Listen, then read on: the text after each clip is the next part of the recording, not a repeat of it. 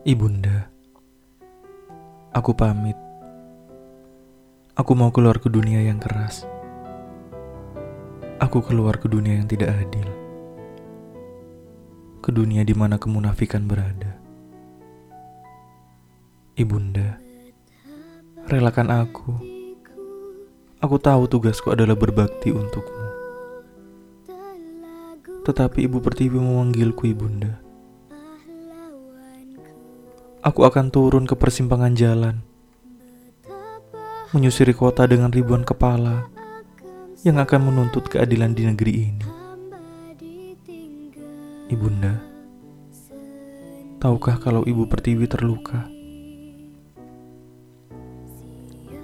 Ibu Pertiwi telah dilukai oleh rezim-rezim baru yang hadir menipu rakyat dan bangsa. Mereka berlenggak-lenggok di karpet merah tidur di kursi empuk, menikmati fasilitas mewah yang diambil dari uang rakyat yang mereka perah, yang diambil dari bangsa terluka berlumuran darah.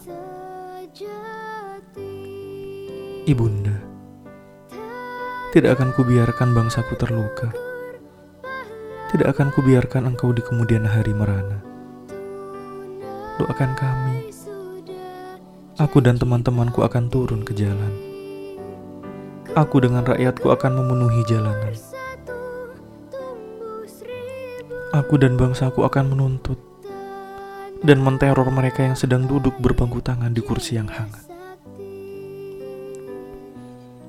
Mereka begitu zolim. Mereka biadab. Ibunda, reformasi belum usai reformasi telah dikebiri. Reformasi telah dikorupsi. Reformasi telah dijadikan mainan retoris oleh pejabat-pejabat amoral hanya untuk melanggengkan kuasanya.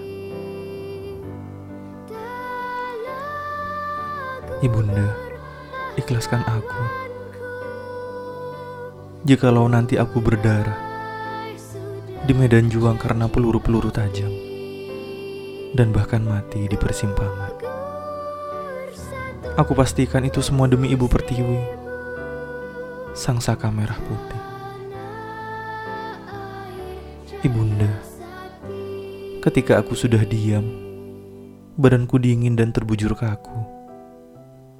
Selimutilah aku dengan kain merah putih itu. Jangan bersedih Aku hanya tidur untuk sementara. Beralas tanah merah di pangkuan Ibu Pertiwi. Aku akan tiada.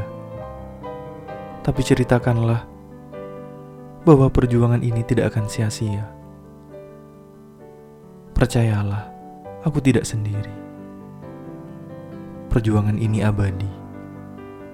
Gugur satu, tumbuh seribu. Bunga Pusara 2019